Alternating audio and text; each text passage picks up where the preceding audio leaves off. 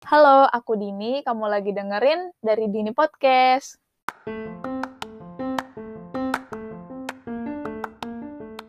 Ini adalah episode 8 dengan tema pasangan. Nah, aku di sini nggak akan ngomongin soal pasangan uh, dalam arti kata uh, percintaan gitu ya, cowok dan cewek.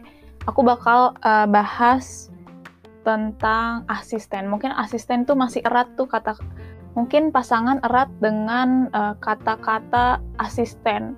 Nah, jadi sebenarnya di kampus itu ada yang namanya asisten dosen. Apa sih asisten dosen itu? Apakah asisten dosen itu adalah pasangannya dosen? Nah, kita bahas ya di sini. Jadi asisten dosen itu sebenarnya macam-macam ya. Ada asisten yang di praktikum, di lab gitu. Ada lagi asisten di kelas, uh, lebih ke materi dan tugas gitu. Jadi ada dua jenis asisten pada umumnya asisten dosen yang di lab atau praktikum, yaitu asisten yang bertugas ketika kita lagi praktikum nih, yang bantuin kita selama praktikum, bantuin membimbing kita, ngajarin kita selama praktikum itu asisten praktikum ini gitu. Jadi tugasnya tuh sebenarnya di tiap kampus, tiap jurusan itu bisa beda-beda gitu ya. Cuma secara umum ada yang tugasnya tuh menyempurnakan buku petunjuk praktikum. Jadi di praktikum ada buku petunjuknya, step by step praktikumnya peraturan praktikum itu dibantu disusun oleh asistennya. Terus habis itu bimbing adik-adik kelasnya untuk menjalankan praktikumnya gitu. Terus memeriksa hasil laporannya, terus tugas-tugasnya, ngasih tugas menguji gitu kan. Menguji praktikum misalnya ada tes uh, tes atau ujian dari praktikum ini, tugas asisten juga untuk menguji gitu. Terus dan bertanggung jawab juga untuk mengawasi jalannya praktikum dan bertanggung jawab terhadap kelancaran praktikum. Jadi kalau ada apa-apa, tanggung jawab dari asisten ini gitu. Terus yang terakhir menjaga peralatan dan kebersihan ruangan. Sebenarnya ini tanggung jawab semua ya, tanggung jawab bersama, tapi dibantu oleh dibantu diawasi oleh uh, asisten ini gitu. Terus yang kedua itu adalah asisten dosen di kelas gitu. Jadi bukan di lab, ini tugasnya di kelas. Uh, biasanya lebih ke ngajar materi atau tugas gitu. Jadi pekerjaannya tuh lebih ke administratif, misalnya ngerekap nilai, ngerekap tugas gitu kan, e, koordinasi dengan asisten lain atau dosennya gitu. Terus yang kedua membuat soal tugas dan e, jawabannya. Jadi ngasih tugas tuh biasa bisa aja dari asisten, terus nanti nge ngasih pembahasannya, ngejelasin pembahasannya dari asisten juga gitu. Terus ngebimbing juga kalau kita dikasih tugas sama dosen terus nggak ngerti, asistennya bakal ngasih tahu gitu.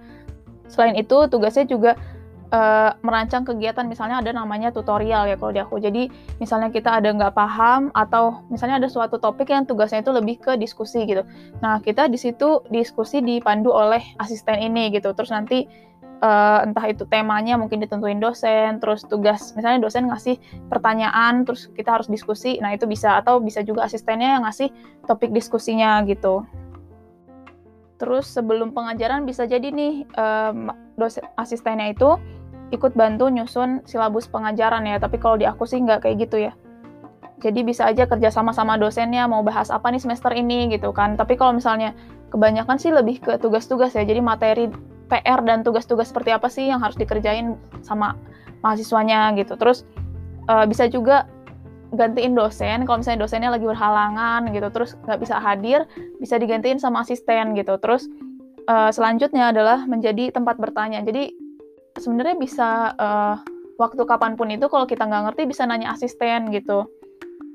Terus terakhir mungkin bisa berbeda-beda juga di setiap kampus dan setiap jurusan ada yang tugasnya untuk mengawas ujian gitu kalau pengalaman aku aku pernah menjadi asisten di kelas. Jadi selain tadi merekap nilai, tugas dan lain-lain, ada juga misalnya namanya tugas besar gitu.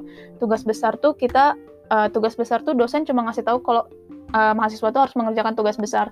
Nah, tugas besar ini misalnya tiap orang tuh memiliki proyek yang berbeda-beda, tiap orang memiliki kasus yang berbeda-beda gitu kan di uh, laporan di tugasnya ini.